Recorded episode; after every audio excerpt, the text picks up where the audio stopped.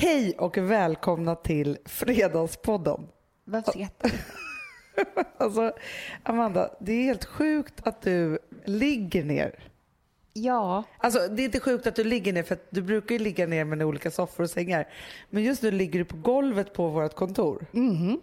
alltså jag känner att det är som, jag har tagit, tagit en kudde, jag ska precis bara lägga mig till rätta. Men du, du har ju haft lite av en jobbig dag. Kan man Men- säga. Och nu har jag tänkt så mycket på det här. Det var ju två timmar sedan olyckan inträffade. Ja. Och först försökte jag röja undan alla bevis och alla vittnen. Och det var ju svårt. Nu förstår jag att jag kommer inte kunna göra det. Därför har jag tänkt ut en plan. Julavslutning, sommaravslutning. Då sitter man ju på barnens möbler. Ja. Alltså stolar där bara ena rumphalvan får plats.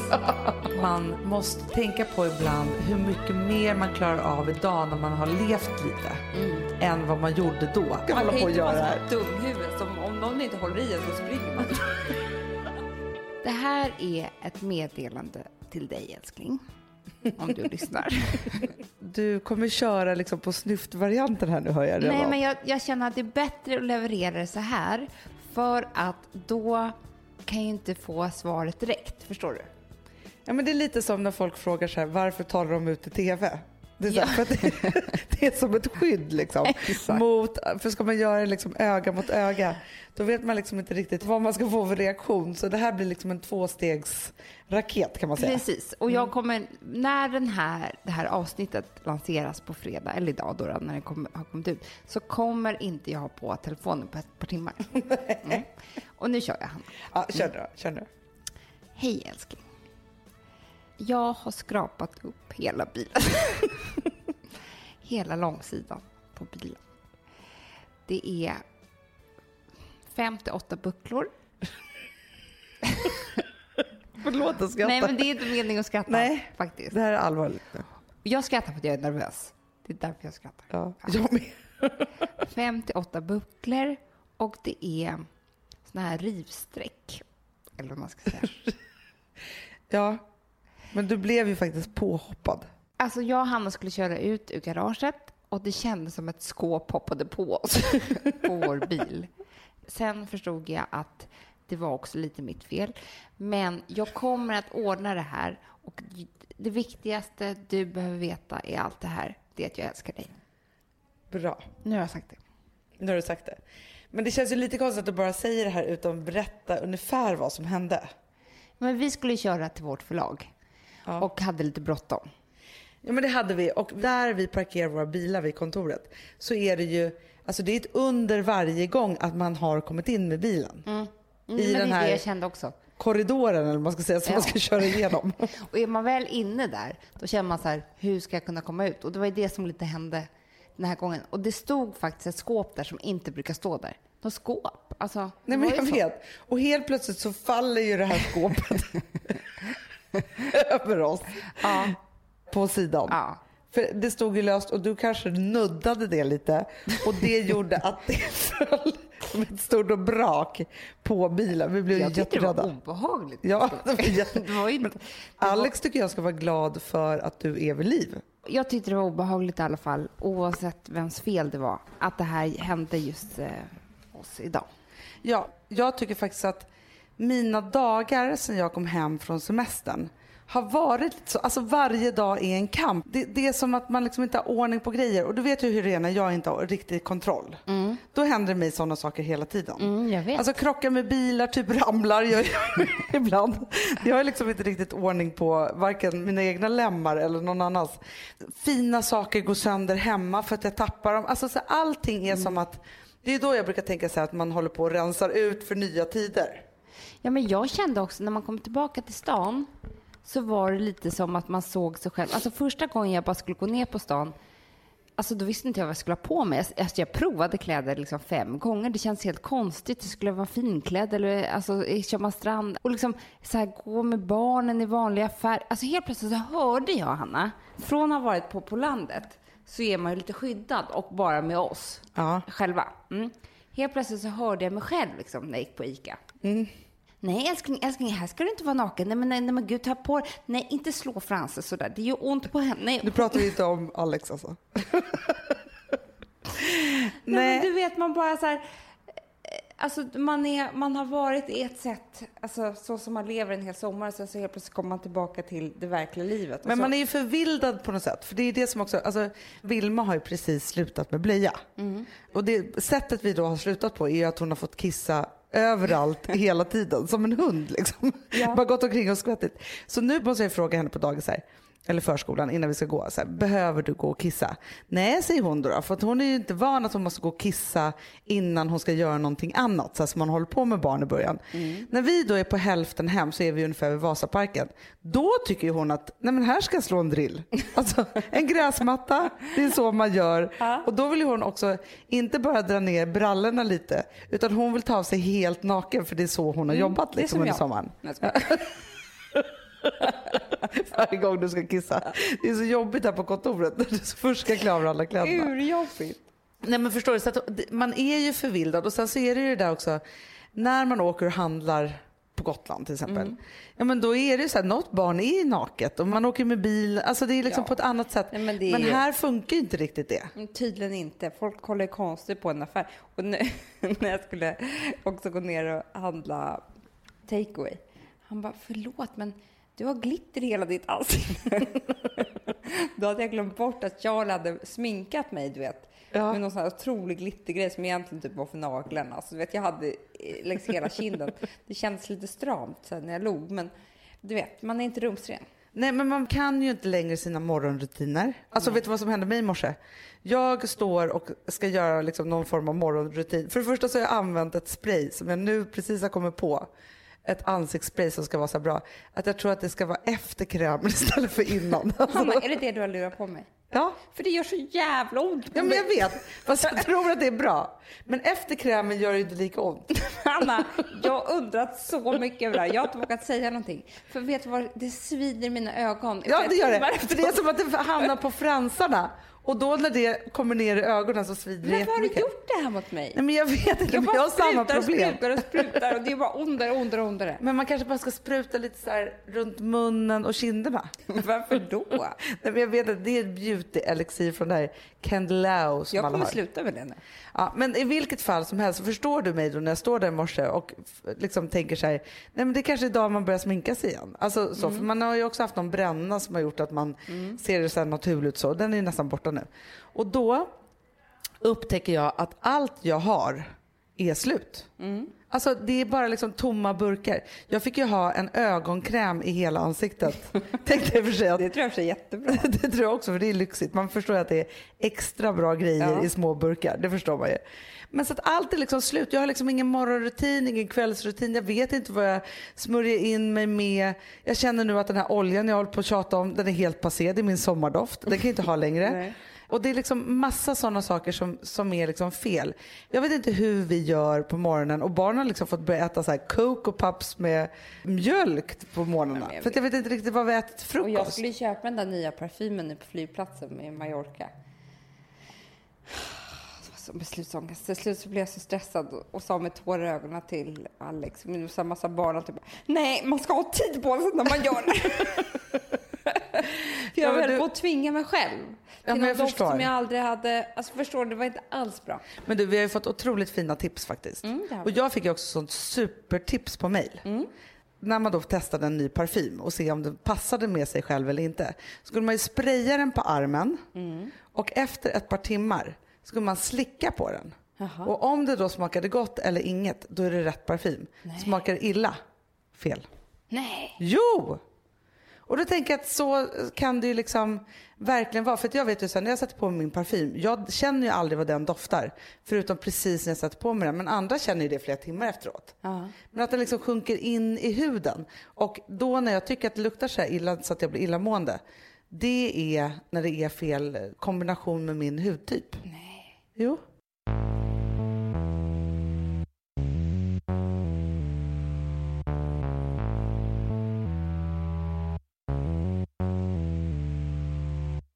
Amanda, vi är sponsrade av Sambla. Ja, och det tycker jag är så bra. För att, just också i dessa tider, Hanna, men Mm. oavsett, så är det ju jätte, jättesvårt det här med lån och långivare och vad man ska, ha, liksom vad man ska kräva och vad som är bra och dåligt och alltihopa. Och då, men Sambla, Hanna, de kan allt. Ja, Alltså, Alltså, allt om det här. Sambla är en personlig jämförelsetjänst för lån och de alltså, jämför upp till 40 långivare, vilket hade tagit otroligt lång tid och jättemycket energi om man skulle göra det här själv. Mm. Och De hjälper ju dig som kund liksom, att jämföra dina långivare. Ja, men det är precis det de gör. Och de erbjuder personlig hjälp med låneansökan. Det tycker jag också väldigt mycket om. Det är så bra. Eh, så att oavsett om du behöver hjälp en kort stund eller om du vill ha en guidning genom hela låneprocessen så kan du vända dig till Sambla. Och du vet, Sambla är alltså branschens, har ju branschens nyaste kunder. Fem stjärnor och 24 000 omdömen på Trustpilot. Då har man gjort ett bra jobb kan man säga. Mm. Så är det. Hörrni, in på sambla.se och ansök. Vi har ett betalt samarbete med Syn nikotinpåsar. Det här meddelandet riktar sig till dig som är över 25 år och redan använder nikotinprodukter. Syn innehåller nikotin som är ett mycket beroendeframkallande ämne och Syn kommer i olika smaker, styrkor och format. Nu lanserar Syn en helt ny smak inom mint. Syn Slim Cool Frost, som har en tydlig smak av kylande pepparmint och mentol. En långsmal helvit prilla. Och enligt 90 procent av 366 vuxna konsumenter så har den en långvarig smak. Läs mer på niko.com och klicka in på Syn. Och glöm inte att slänga din tomma dosa i plaståtervinningen. Woof! ja, det var kul. Mm, Jag är lite mer så här. Ja, det, man måste, när, när man pratar, alltså vi sponsrar Prima Dog och när man pratar med den där, jag känner så att alla woofande måste vara med. Det finns ju de som säger voff, och så finns det. Alltså, det, det finns ju Det många... här är mera Fonzie. Han, han skäller inte så mycket, men han låter så här... Han har Så, sån. eller hur? Så, ja, det har han faktiskt. Får jag, säga, jag skickade ett klipp till dig. Contemporary dance med hund. Du, det är så Fonzie dansar när han får prima dogmat. För att, Ja, vet du varför? Den är så snäll mot magen. Han får en helt bekymmersfri vardag. För du vet, magen, den måste man ta hand om. verkligen. Nej, men så här, och Prima Dog har ju torrfoder, våtfoder, godis och tugg i sortimentet. Alltså tugg är ah. som de skulle hålla på att tugga på. Det är, faktiskt, det är Fonzies favorit faktiskt. Tugget. Ja, men han har ju också börjat älska våtfoder. Mhm. Det Han skulle jag det också kanske tycka var go- Ja, gott. men jag, jag förstår honom faktiskt. Men det är alltså vetefria produkter med mycket kött. Och det är det som jag tror är så bra. Produkterna finns ju online, i välsorterade djuraffärer och i dagligvaruhandeln. Alltså jag skulle vilja att du och Fonzie lär er contemporary dans. Det var ju som agility fast med dans. Mm, ja, ja, vi ska Ah. göra det. Jag tror att Prima Dog kommer vilja ha oss som ansiktet utåt. Ja, men det är det jag känner.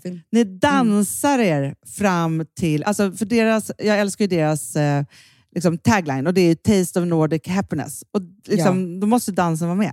Ni kan gå in och läsa mer på primadog.se och snart se mig och Fonzie i en dans på en skärm nära er.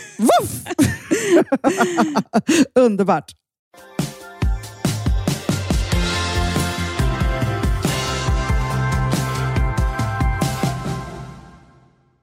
Jag har haft lite klammeri med eh, andra föräldrar på förskolan. Nej, men det, alltså, grejen är så här, i allt det här, liksom så här, göra om och göra rätt och komma tillbaka till stan och liksom, försöka liksom, fixa livet. Så var det så att vi, vi tog ett beslut att lämna Vilmas vagn på Gotland, för den var ju typ skrot, och köpa en ny vagn. Då gick vi då till affären och så köpte vi vagnen som alla andra också har på dagis. Ja, den mest populära av, av dem alla. Liksom. Ja, urnöjd och så, så har jag liksom kört den där till förskolan.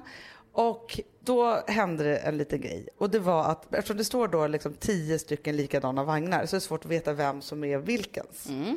Ja, och så var det då i måndags så skulle då, alltså vår pappas nya tjejs son som är supergullig och 17 år, han skulle hämta Vilma på förskolan för hon tycker om honom så mycket. Och då när vi då träffas, då ser jag att han har tagit fel vagn. Och det kan man ju Ja, det göra, det, man göra. förstår man ju. Alltså jag försökte så beskriva vilken det var och så. Men jag tror, tänker också, Vilma är väldigt bestämd så att hon kan ju också vara så här, det här är min vagn och tycka det och tycka att det är spännande kanske att ta någon annans och så. Så det var ju verkligen inte hans fel. Så tänkte jag bara okej. Dagen efter då på tisdagen så var det första gången som vi skulle ha vår nya barnvakt som ska hämta Vilma eh, två gånger i veckan. Mm, och då var jag tänkte så här, det får inte hända nu att hon tar samma vagn. Så att jag bara skrev så här, jag bara, det är alltså den svarta vagnen som fortfarande har en katalog. Alltså jag försökte beskriva exakt hur den såg ut. När jag kommer hem igår, då ser jag ju redan i trappuppgången att Nej, det är samma vagn. nej. Jo. Och då blev jag så nervös också, för hon har också låst fast den. Jaha. Tänkte jag, om vi inte har nycklarna nu till den här, alltså om hon tror att jag har det, till en sån här cykellåsen, då är det ju fastlåst där. Då tänkte jag, det här är dubbelt jobbigt. Samtidigt som jag då får samtalet från förskolan av en fröken Jaha. som bara, nej men det här barnets pappa, han var inte glad. Nej. Det var han inte. Arg, jättearg på mig. Men hur arg kan man vara? Nej men tydligen jättearg.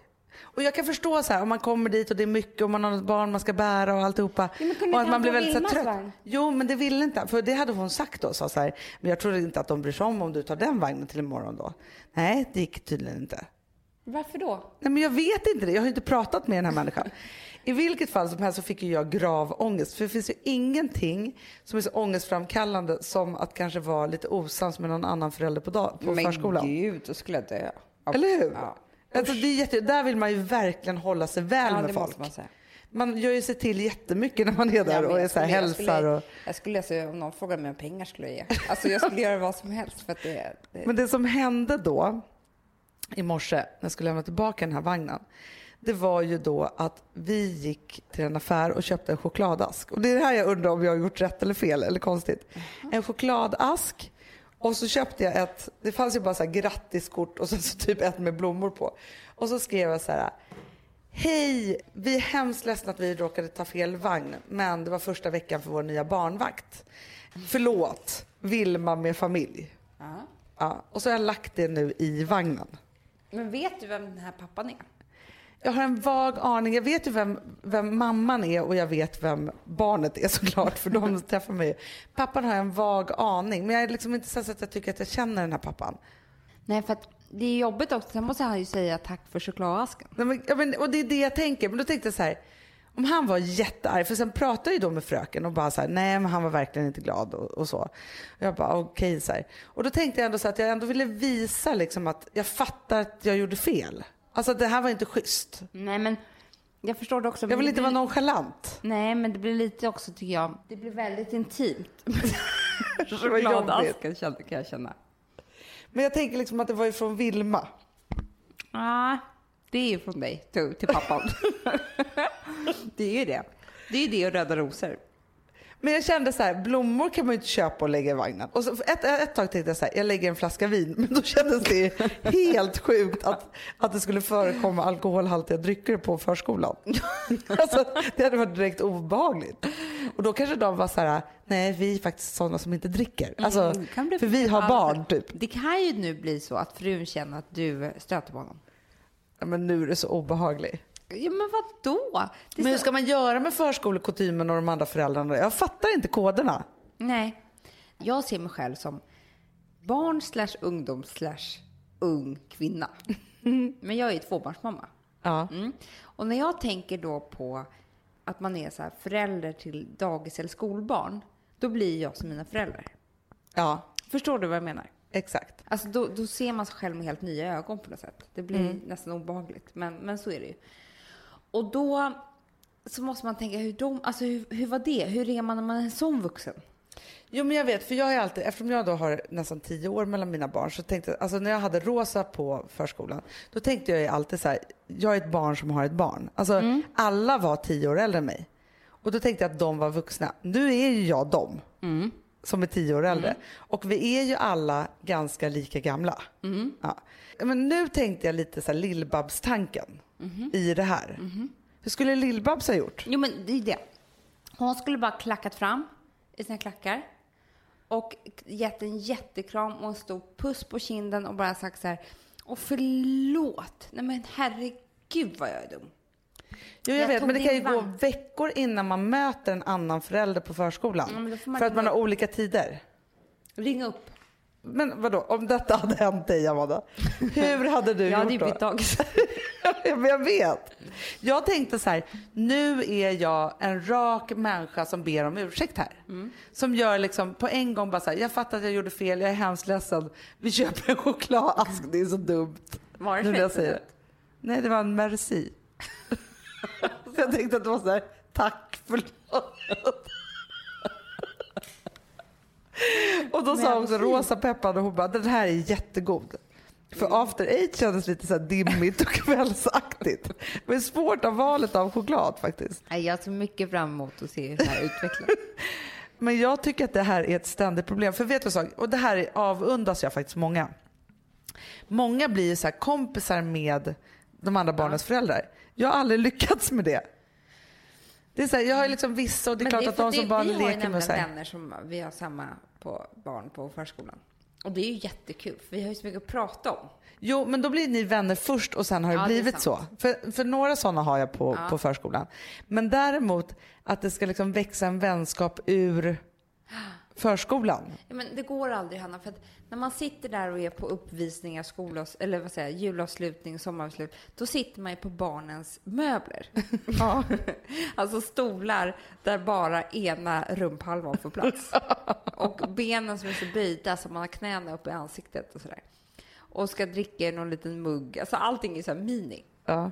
Vilket gör att man vill inte titta på pappa som sitter bredvid. För att man skäms ju hans vägnar. Man vill inte att han ska se mig när jag sitter där med, med halva rumpan på. Alltså förstår du? Så man, Och så är man ju bara så här Vilmas mamma. ja, man har inget tittar eget namn. bara rakt fram. Man går inte in i det. Man, man, det är väldigt svårt att se varandra som... Alltså, Men då undrar jag om det har blivit en skillnad. För att om vi då ska säga så här, man ska göra som ens föräldrar gjorde. Våra föräldrar, de var ju världsbästa på att vara kompisar. Jag vet inte hur många Nej, kompisar som de undrar- fortfarande har som de träffades genom våra så här, skolor och dagis. ja, och liksom alltihopa. grannar också. Ja. ja men det, det har jag tänkt på mycket. Och då har jag undrat lite så här, hade de inga andra vänner? Fast jag tror att det var så man gjorde ja. på den tiden. Jo, men jag vet. Ja, Att det var som man käkade middag med, alltså att det var liksom en, en större öppenhet. Vi är ju väldigt instängda människor nu för tiden, det måste man ändå säga. Jätte. För, för det måste jag säga så här, när vi är på Gotland då, nu, som att vi så här, ska glorifiera det hela tiden.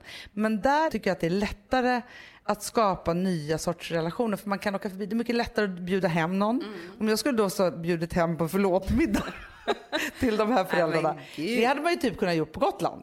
Och sagt så här, Absolut. kom förbi och lek och vi tar en Ja. fika, hade man kunnat sagt. Men de ska komma hem till oss och fika, det Nej. känns ju jättesvårt. Ska de gå in där och kolla er smuts? Ta sig skorna och... Nej, men- det går inte.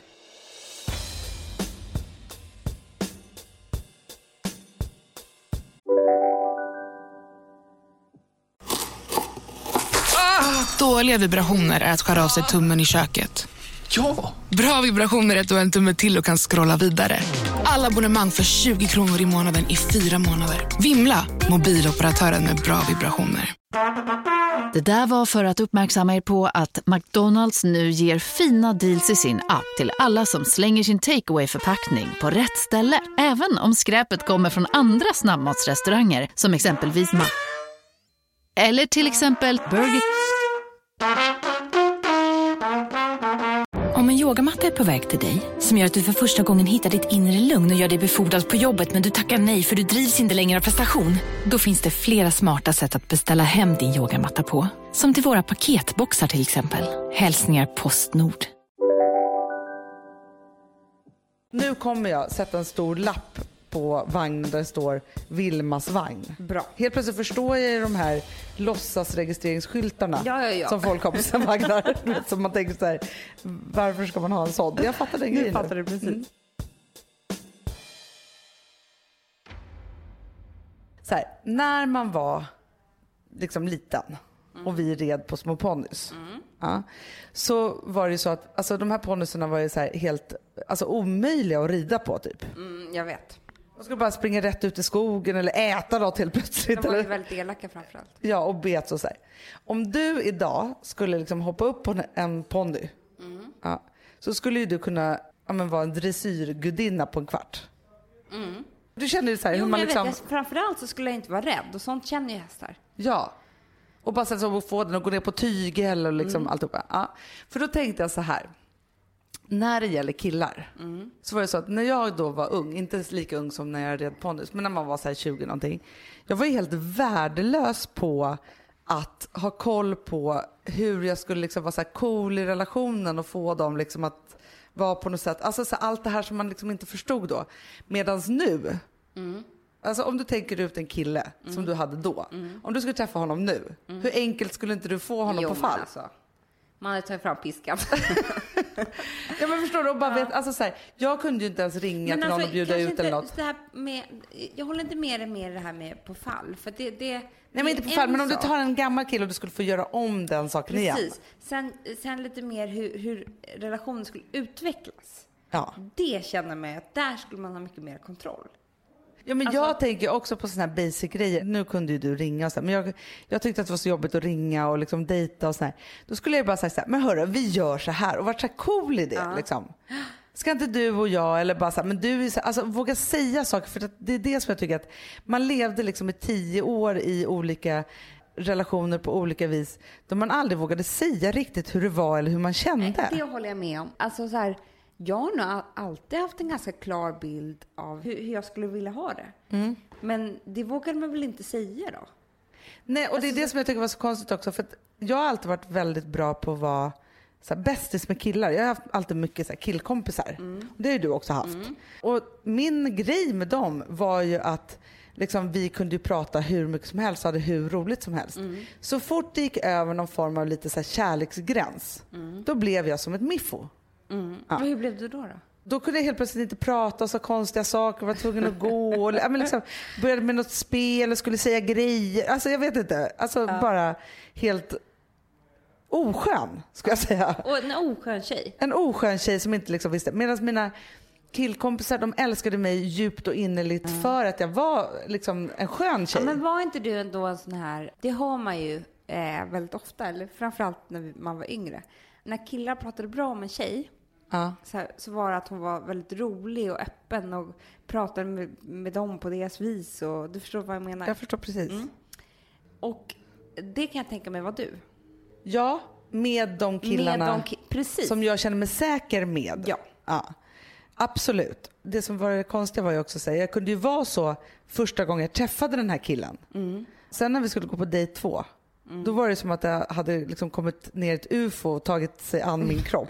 Och, alltså förstår du? Att det var ju det. Jag att jag liksom bytte liksom skepnad. Men då tänker jag så här nu, för att är det någonting som jag verkligen, jo men vad är jag och Gustav? Jo men vi är ju bästa, bästa kompisar. Mm. Och ihop och älskar varandra och gillar att ligga med varandra och sånt där som, som tur är. Men det är det som är liksom, då kommer ju ändå den där grejen först. Ja. För att annars orkar man ju inte leva med varandra så länge. Alltså, men absolut inte. är ju att man ska ha superkul, att man ska kunna säga allt. Alltså den som jag vill prata mest med är ju liksom Gustav och berätta allt och liksom all, alla sådana saker. Han är ju liksom min närmaste på det sättet. Om vi då hade lite tråkigt eller vi inte kunde skoja eller liksom hur det nu var, då skulle inte det vara någon härlig relation tänker jag. Och då så är det bara det att jag kunde inte få ihop de två bitarna när jag var liten. Men du, kan det vara så också att man Liten låter som att jag var ett barn, alltså när jag var ung. Men jag tänker så här också, Hanna. Kan det vara så också att man väljer lite, att, man, att om det fortfarande är så att man har blivit äldre än 17 år, 20 år liksom, och 25, och det fortfarande är så här.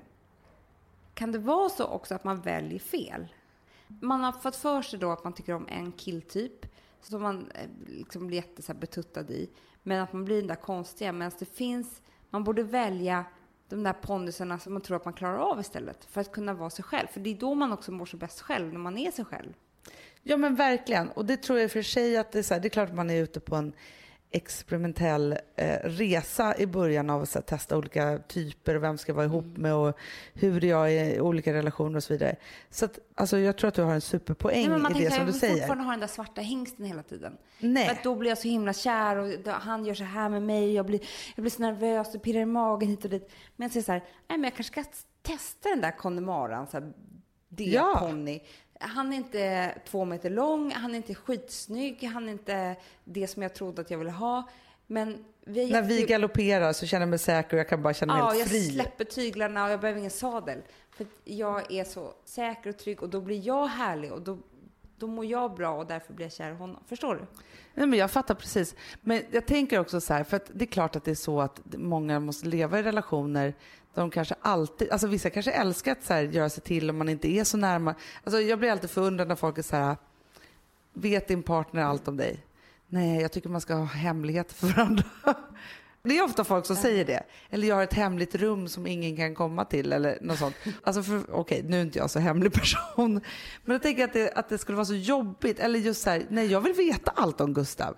Jag vill inte alls att det ska vara så att han har en dold agenda eller så, alltså så här, ett hemligt rum som jag inte har tillträde till eller vad det nu är. Utan jag vill att vi ska ha fullständig transparens.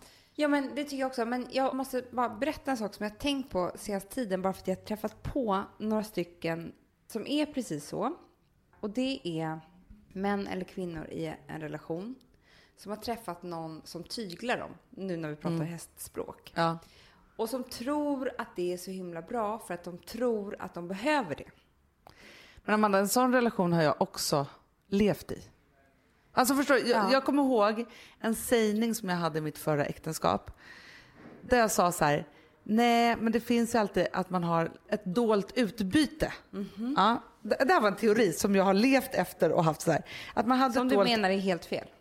Nej, men jag tror att mitt utbyte i hur jag försvarade min knasiga relation. Alltså det här blev ju ett försvar. Det kanske är så att man har ett dolt utbyte. Eller man har ju säkert flera olika liksom, sådana saker. Men då var det så att jag var så här, jag bara, nej men grejen är att jag tror att alla relationer har ett dolt utbyte. Och i min relation så är det så att jag sätter gränser för honom och han för mig framåt. Men, men gud. Alltså det är det största hittepået jag någonsin har tänkt Ja, på. det är klart att det är. Och då är det såklart så här, det är klart att man har dolda utbyten i att man hjälper varandra. Eller inte dolda, vad fan ska de vara dolda Varför ska, för? varför ska något vara dolt för det första? Ja, men det är helt sjukt. Ja, Det är bara nummer ett, bara slopa det på en gång. Ja. Men, Men, förstår du den grejen att då var det som att jag tyglade, alltså att jag satte gränser för honom och då var det si och som så. att så här. du behöver någon som för dig framåt. Ja, men, helt sjukt. Men, och det var så här, som att det var någonting bra för mig. Och då fick jag vara nej-sägaren för annars så var jag för snabb fram. Ja, men förstår du? Allt det här blir bara hittepå men jag förstår vad du säger. Du förstår vad jag säger. Ja. Och det är precis där du har varit. Att man hittar på Alltså här, nej men jag, jag har alltid varit för vild eller jag har alltid varit si och så och så. Nu har jag träffat honom och han tyglar mig och det behöver jag och min personlighet för att nej men den var ju inte så bra förut och nu är den ju bättre. Du vet, om man bara ser att halva den människan har försvunnit. Men du, är det inte så att man aldrig någonsin behöver någon annan som ska tygla en? Utan i så fall så behöver man lära sig att tygla sig själv. Ja, det det- alltså, ju för- ska man ha någon annan som ska Man hålla kan på ju och inte göra vara det här? ett dumhuvud. Som om någon inte håller i en så springer man. Som, som, som liksom en ett och ett halvt åring. De kan behöva det. skenande åsna. Fast det där har jag också hört, för jag pratade med en, en tjej som lever med en, ett supersvin till man, så pratar vi om det, för det är så öppet och så pratar vi om det. Men då säger den här människan som är världens snällaste och mest harmoniska människa bara så här, men jag är också ett svin. Jaha. Och jag bara, och, Ja, hur trevligt är det då? två svin som lever lever tillsammans. Men då tänkte jag också bara så här, just det här att, att försvara någon annans dåligheter med att säga så här, jag är inte heller så bra. Nej, För det är precis. också ganska det är också väldigt vanligt. vanligt. Och det är väl så här, alltså okej, men nu har vi ju, nu börjar vi bena ut några regler här. För att då kan man säga så här, nummer ett, ingenting ska vara dolt. Nej. Nummer två, alltså om man börjar försvara hela och hitta på teser och sådär och varför och hit och anledningar. Det är också lite konstigt. Ja, och sen så är det väl bara så att ingen annan ska tygla en eller sätta gränser för en eller någonting. För när man är vuxen ska man kunna göra alla Lär de sakerna själv. själv. Sköt dig själv. Och sen får du vara i en relation som den du kan klara av att vara. Absolut. Alltså, när man börjar linda in saker och ting, det är då det är väldigt... Han bromsar mig, jag är för snabb. Men hur snabb kan man vara? Alltså, sluta! Ja, men det är inte bra. Alltså det är bra, han, han tar ner mig på jorden hela tiden. Alltså annars brukar jag skryta och hålla på och så här, men han bara tar ner mig så jag har båda fötterna på jorden. Jag tror inte att jag är någon. Härligt. Nej, vilken man. Eller bara, nej men han får mig att förstå att alltså jag kan inte jobba med vad som helst. Och, alltså så, så att, att ha för höga drömmar, det är liksom inte bra. Nej. Men du, tillbaka till det här med ponnysarna versus de stora hästarna tänkte jag säga. Jag tänker bara så här, vad jag tänkte med det egentligen? Nej. är att man måste tänka på ibland hur mycket mer man klarar av idag när man har levt lite än vad man gjorde då. Man ska igenom alla Ja, de men, där och det är det perioderna. som är så fantastiskt med att bli äldre. Jag kommer ihåg när jag var så fruktansvärt rädd. När jag kunde tänka ut olika saker som jag var nära på att göra i jobbet. Till exempel att gå in och pitcha på en tv-kanal där det satt massa människor som man var rädd för, kanalchefer hit och dit och sådär. Jag tänkte så här, men gud, det kommer, kommer man någonsin att bli säker i det där eller utan att vara nervös eller våga eller hit och dit. Och sen så händer ju det som faktiskt händer när man blir äldre som är fantastiskt. Yngre människor får de där jobben som är lika gammal som en själv. Typ. Ja. Och helt plötsligt så är man på, man leker med jämlika barn. Och då, då är inte allt lika läskigt längre. Och det var lite samma sak med killarna. Ja men verkligen, för det var, alltså, när jag började jobba, jag brukade alltid säga så att jag hade en alldeles för stor kostym. Och sen så kommer jag ihåg den tillfredsställelsen när jag började på Mastiff där du och jag jobbade tidigare. Och för första gången, för jag har alltid liksom så här, så fort jag typ har vuxit i den där kostymen eller halvvägs, då har jag liksom bytt jobb och så har det varit något nytt och så har jag liksom hållit på så. Vilket har ju varit liksom spännande i sig. Men då kommer jag så otroligt väl ihåg när den där tillfredsställelsen infann sig i att det är så här, nej, jag har inte för stor kostym längre, den är skräddarsydd. Och det var så skönt. Och det är klart att man ska utmana sig. Men jag bara kände så här, vilka stordåd jag skulle göra i min skräddarsydda kostym. Den som var gjord för mig och att det var någonting helt fantastiskt. Ja, men och det tycker jag är precis samma sak med relationen. Att det är kanske jättespännande att försöka tämja den där tigen som är så långt bort och man blir så kär och det är så stora känslor och allting. Tills man kommer på att gud vad roligt att ha en relation som jag kan hantera. Där jag Ja, men så här, man tar en hund som man går ut med istället. Ja, man kan göra allt det där roliga och härliga som man har velat och vara den där personen man har velat vara i en relation och att det är hanterbart, att man vågar det. Ja men det är underbart för det är också så här, allting handlar ju om att, att komma till freds med att vara så här, jag är så bra jag kan på precis det där. Och det hamnar man ju bara i när man känner sig väldigt, väldigt bekväm. Sen kan det vara pirrigt och härligt och man kan liksom utmana sig själv på olika sätt och vis. här. Men där man ska spendera mycket tid, där man behöver lugn och ro, där man behöver kunna älska och vara och föda barn eller vad man nu ska göra. Där behöver det vara lugnt och tryggt och härligt.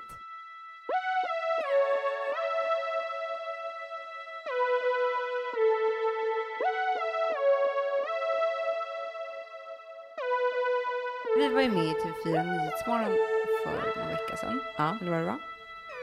Och då fick vi den frågan som vi får väldigt ofta. Mm. Ni lämnar ut mycket saker om er själva. Mm. Och det sägs ju alltid med en viss ton av förakt. Men alltid. Alltså jag vet ju Alltid. nu också när jag kom ut med min bok, Sex and Mamma-liv. Den enda frågan som jag hela tiden fick, det var ju så här, hur känns det att vara så självutlämnande? Och så ett litet leende på Ett slutet. leende. För att det är lite så här, hur var det? Men det där måste ju vara Alltså någonting som kommer från 1600-talet typ. Alltså, Ja. det är ju någonting med så här, äldre människor som är så här, nej man ska inte berätta allt om vi ska hålla det här inom familjen. Och, alltså att det är massa sådana saker som finns sedan urminnes tider, typ att det inte är fint att berätta om svåra saker, sorgliga saker. Och inte glada saker heller. Eller vad man, hur mycket pengar man tjänar. Alltså, egentligen ska man inte berätta om någonting om man ska vara korrekt. Och det är lite också Alltid. så här, ju finare familj, desto mindre ska man berätta. Absolut. Och om jag ska säga så här. Alltså, vet du vad mina vargtimmar handlar om? Att du har berättat för mycket. Alltid att jag har berättat för mycket. Ja. Jag har druckit ett par glas vin. Jag tycker att För det är så mycket? härligt. Nej, men jag tycker att det är härlig stämning. Jag får feeling, börjar berätta saker och vaknar sen med vargtimman. Och speciellt eh, med, med de vänner man har som verkligen kommer från familj där det inte anses vara fint att, att berätta för mycket. Dels så kommer jag tänka på att det som vi brinner väldigt mycket som, eh, eh, som vi verkligen gör, det är för psykisk ohälsa. Det handlar ju väldigt mycket om att det inte finns någon kunskap och att det finns en stämpel över psykisk ohälsa som är fruktansvärd. Ja, och där Det kan man ju gör- verkligen titta på hur det var förr i tiden. Att då var det så här, när någon hade åt nerverna eller man skulle lobotomeras eller man skulle, alltså så här, det var ju verkligen inte socialt accepterat Man får att inte må lite det dåligt. för någon. Det, du får inte det. Du berättar för vem som helst som du inte ens känner. Om du äter vitaminer eller om du äter antibiotika eller om du har bytt benet. Du kan fortfarande berätta, nej men gud, jag äter antidepressiv medicin. Det, det säger du inte ens till dina vänner. Nej. Alltså, hur ska vi då bli av med detta när det finns... Alltså, för det första får vi inte lämna ut någonting överhuvudtaget som själva. Och absolut inte om vi mår dåligt. Hur i helvete ska det kunna bli normalt? Vilket det är. Det är precis lika normalt som om man är blond eller brunett eller har dålig syn eller... Det finns ingenting som är konstigt med det. Men ändå så ska vi låtsas om det. Och det här kan göra mig helt fullständigt galen när jag tänker på det. Jag, jag blir tokig. Jag var med om en sak för nu bara här eh, i veckorna. Så var det en vän till mig som mådde väldigt, väldigt dåligt. Och en annan vän till mig som då skulle åka och hämta den här personen och liksom, ja, ta hand om henne. Och grejen var då att då pratade jag med vår gemensamma vän och så frågade jag, jag bara, men vadå, hon behövde ju åka in någonstans och få hjälp och liksom alltihopa. Nej men hon ville inte det själv säger hon då. Nej, och det var inte så farligt, liksom så här sopades lite under mattan och så tänkte jag inte så mycket mer på det. Tills jag då fick höra häromdagen att hon låg på sjukhus för att hon har försökt ta livet av sig. Alltså för det första så blir man ju så ledsen när man hör det. För det andra så blir jag också så fruktansvärt upprörd och arg för att det just är så att vi inte vet hur vi ska bete oss. För någonstans så är det så att om någon är psykiskt sjuk eller har jättemycket ångest eller är på väg in i en psykos eller så, så är det så här, ja, om någon har brutit benet, då är det så här, ja, men då ringer vi 112 och så kommer en ambulans och hämtar.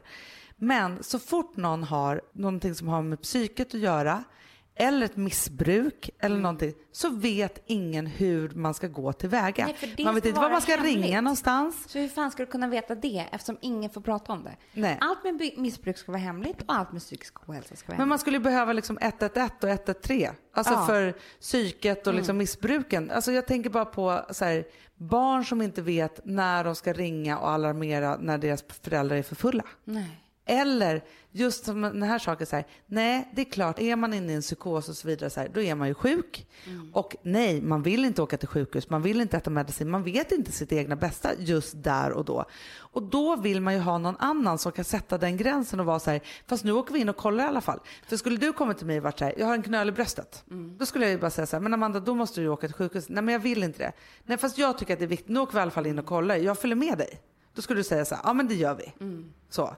Men då när du säger så här, nej, då bara, nej okej jag bara låter den vara. För att jag vet inte riktigt med den här psykiska, alltså att om du har jättemycket ångest så vet inte jag riktigt hur Nej, stort jag allvar jag ska ta Jag skulle på. också göra allt för att inte säga det till dig.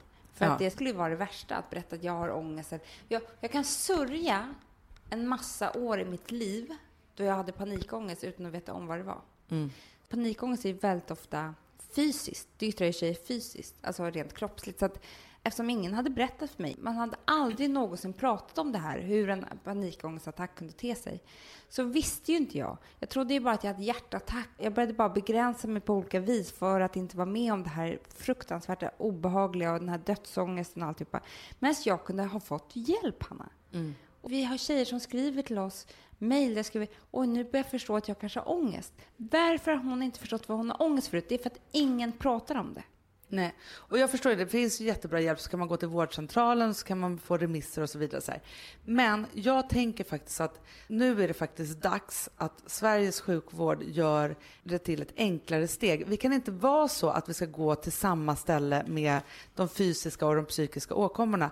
För att om man är så här, ja men jag har ett sår som blöder så är det självklart. Men om man har ett inre sår som känns som att det blöder så känns det som att kommer man till samma ställe då så är det så här, nej det finns inga plåster här och hur. Utan finnas en direktlinje, precis som det finns till vanlig sjukvård, där det bara finns experter som jobbar med det här.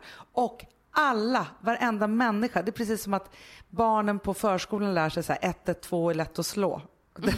så, här, så borde det finnas 113 alla med psykiska grejer, häng med. Nej, jag skojar. Men typ.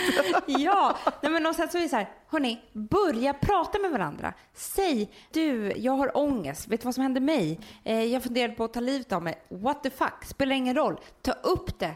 För att så länge det stannar in i det dolda så kommer vi absolut ingen vart. Och jag tänkte på det, att jag tycker ju själv så himla mycket om människor som delar med sig. Ja. Mm. Och det är därför det blir så hemskt när man alltid får den här frågan. Ja, ni lämnar ut er själva. Nej, nu sa hon lite för mycket. Nej, men nu, nu. Det här Ja, för bara- det är verkligen alltså, ett fördömande. Det är som att man är lite galen. Ja, man Jaha, du har ingen- in. alltså, man, du är man gränslös ful, man och är du- white ja. trash och gränslös och allt det där. Vilket eh, jag kan, vi har stenkoll på att, att vi vet vad vi delar med oss av och inte. Det är inte bara Mm. så att vi inte förstår någonting. Eh, Men framförallt så är det ju det fina med om man delar med sig.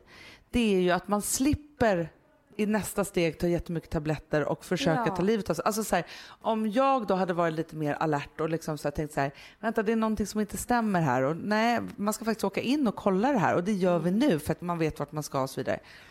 Det som händer i psykvården alldeles för ofta, det är ju att det hinner gå för långt. Precis som att du säger att du sörjer massa år och du inte visste att du hade panikångest och hur du skulle hantera den. Så är det ju det att man får aldrig underskatta sin ångest eller förminska den eller förminska hur man mår. Känner man att man har ett problem så måste man dela med sig av det till den man tror att man... Alltså, och det finns ju skolsyster, det finns kurator, det finns vård... Eh, alltså och det finns vänner som vet vårdcentralen. Alltså det, alla här sitter vi på olika kunskap. Och våga ringa och fråga också, man, om man är närstående till någon som man misstänker inte mår så bra. Och ringa för den skull. För det har jag ju också varit med om när jag liksom ringt till olika ställen. Det finns ju alltid någon att prata med om man kan faktiskt komma vidare.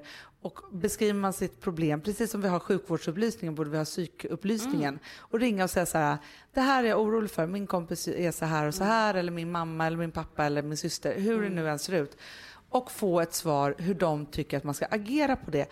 Och då, då kommer de säga så här, ja men jag tycker faktiskt att du ska åka in med den här personen för det låter inte som att bra eller nej det räcker om du på måndag kanske bokar ett möte med en, en sån här person. Eller eh, så är det liksom så att man bara får chansen att förebygga en katastrof som faktiskt kan komma. Mm. Jag tänkte på det jag var på en middag i somras. Vi hamnade mellan två personer som på något sätt, jag tror att de har lyssnat på podden. Tror du det? Nej, men, och hört att jag då är en av dem som kan, lämnar ut mig för mycket. Vilket gjorde att de vågade lämna ut sig till mig. Med liksom, familjetragedier och, och eh, människoöden och allt vad det nu var. Otroliga historier. Och jag kommer aldrig glömma bort den middagen och de människorna.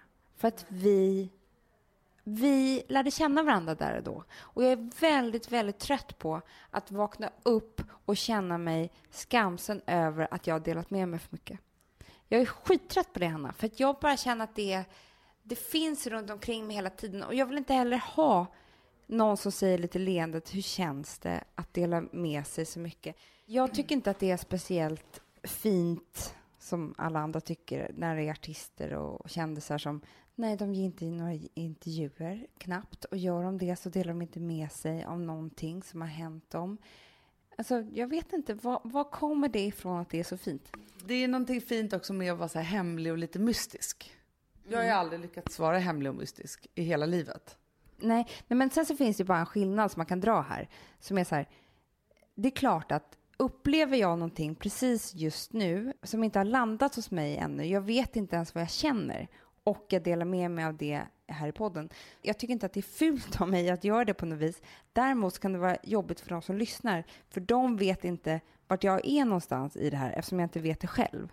Nej, ja, men, men det förstår jag. Men det härliga med varje gång som man delar med sig, varje gång man berättar någonting svårt och någonting viktigt, så får man ju en stund som man kommer ihåg för resten av livet. Alla de andra stunderna, de bara drar förbi och vem kommer ihåg om, det om tio år? Liksom. Eh, jag vet, det är bara det att sen är det jobbigt att vakna med varje timme och det vill jag så gärna bli av med. Jag är inte av med det ännu, men jag tänkte att vi kan hjälpas åt allihopa. Ja men verkligen. Och jag tänker också så här, att det här är ju liksom en, en kamp som vi liksom får hålla på och föra vidare här nu med det här att dela med sig, att det ska vara naturligt, att våga berätta. Sen så är ju inte det alltid lätt för oss heller.